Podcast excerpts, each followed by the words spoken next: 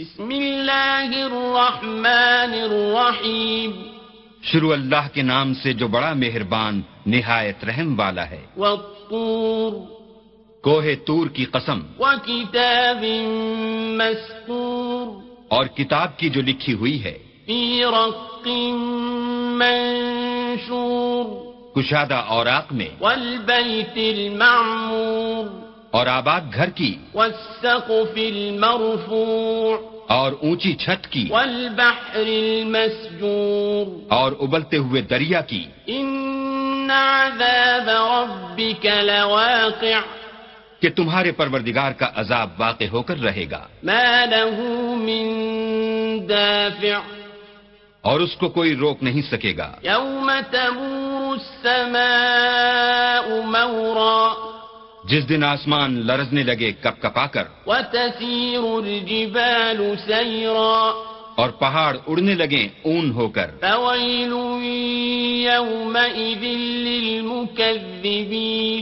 اس دن جھٹلانے والوں کے لیے خرابی ہے۔ الذين هم في خوض يلعبون.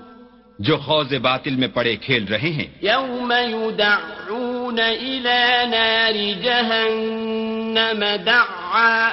جس دن ان کو آتش جہنم کی طرف دھکیل دھکیل کر لے جائیں گے۔ هذه النار التي كنتم بها تكذبون یہی وہ جہنم ہے جس کو تم جھوٹ سمجھتے تھے۔ أفسحر هذا أم أنتم لا تبصرون. تو کیا یہ جادو ہے یا تم کو نظر ہی نہیں آتا؟ اصلوها فاصبروا أو لا تصبروا سواء عليكم إنما تجزون ما كنتم تعملون. اس میں داخل ہو جاؤ اور صبر کرو یا نہ کرو تمہارے لیے یکساں ہے۔ جو کام تم کیا کرتے تھے یہ انہی کا تم کو بدلہ مل رہا ہے۔ إن المتقين في جنات ونعيم جو پرہیزگار ہیں وہ باغوں اور نعمتوں میں ہوں گے۔ بما آتاهم ربهم ووقاهم ربهم عذاب جو کچھ ان کے پروردگار نے ان کو بخشا اس کی وجہ سے خوشحال اور ان کے پروردگار نے ان کو دوزخ کے عذاب سے بچا لیا۔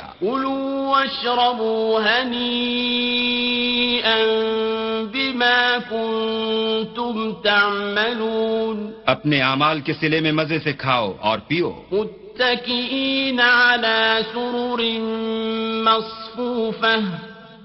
وزوجناهم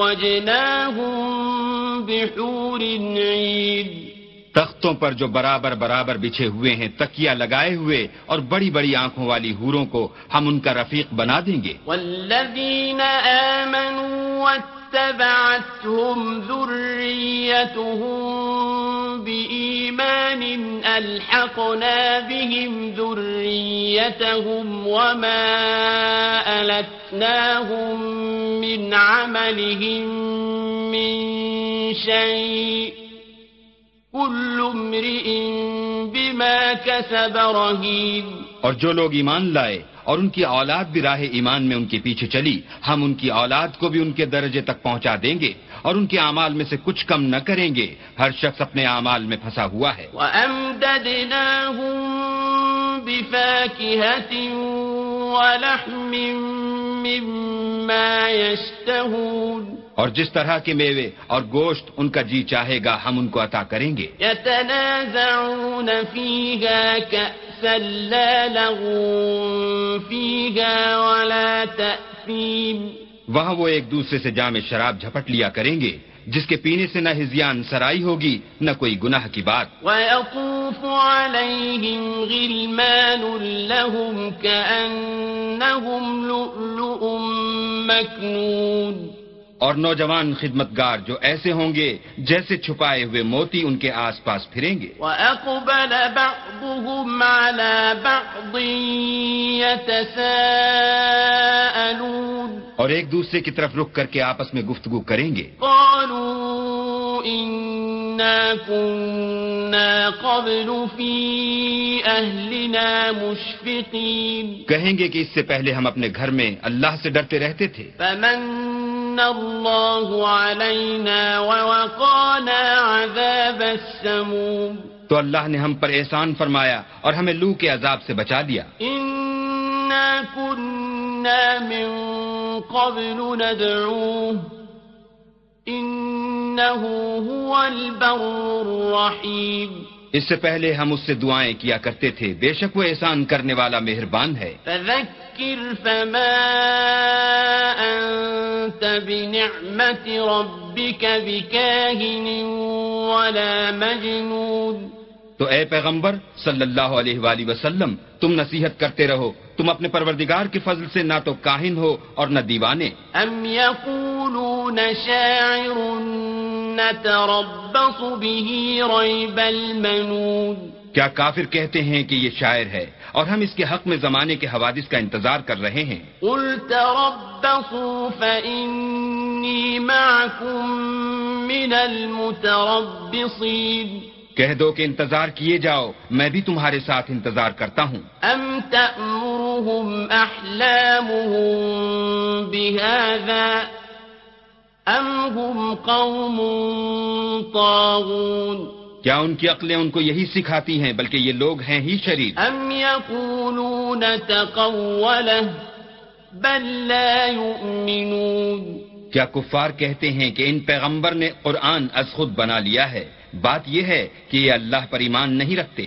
فليأتوا بحديث مثله إن كانوا صادقين اگر یہ سچے ہیں تو ایسا کلام بنا تو لائیں۔ أم خلقوا من غير شيء أم هم الخالقون۔ کیا یہ کسی کے پیدا کیے بغیر ہی پیدا ہو گئے ہیں یا یہ خود اپنے تئیں پیدا کرنے والے ہیں؟ أم خلقوا السماوات والأرض بل لا يوقنون۔ یا انہوں نے آسمان اور زمین کو پیدا کیا ہے؟ نہیں بلکہ یہ یقین ہی نہیں رکھتے۔ أم عندهم خزائن ربك أم هم المسيطرون کیا ان کے پاس تمہارے پروردگار کے خزانے ہیں یا یہ کہیں کے داروغہ ہیں؟ أم لهم سلم يستمعون فيه فليأت مستمعهم بسلطان مبين یا ان کے پاس کوئی سیڑھی ہے جس پر چڑھ کر آسمان سے باتیں سن آتے ہیں تو جو سناتا ہے وہ سریح سند دکھائے۔ أم له البنات ولكم البنون۔ کیا اللہ کی تو بیٹیاں اور تمہارے بیٹے؟ أم تسألهم أجرا فهم من مغرم مثقلون۔ اے پیغمبر کیا تم ان سے صلح مانگتے ہو کہ ان پر تاوان کا بوجھ پڑ رہا ہے؟ أم عندهم الغيب فهم يكتبون یا ان کے پاس غیب کا علم ہے کہ وہ اسے لکھ لیتے ہیں؟ أم يريدون كيدا فالذين كفروا هم المكيدون کیا یہ کوئی داؤں کرنا چاہتے ہیں؟ تو کافر تو خود داؤں میں آنے والے ہیں۔ أم لهم إله غير الله سبحان الله عما يشركون کیا اللہ کے سوا ان کا کوئی اور معبود ہے؟ اللہ ان کے شریک بنانے سے پاک ہے۔ وإن يروا كسفا من السماء ساقطا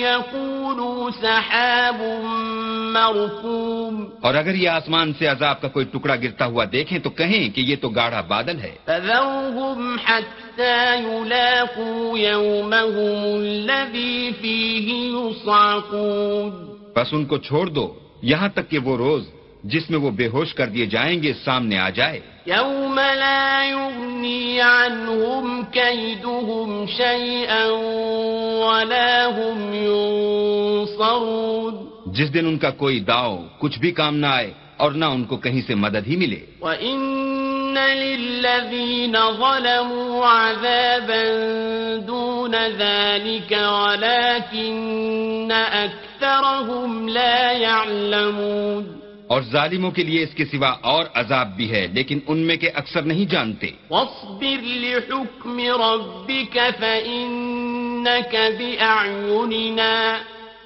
وسبح بحمد ربك حين تقوم اور تم اپنے پروردگار کے حکم کے انتظار میں صبر کیے رہو۔ تم تو ہماری آنکھوں کے سامنے ہو اور جب اٹھا کرو تو اپنے پروردگار کی تعریف کے ساتھ تسبیح کیا کرو۔ ومن الليل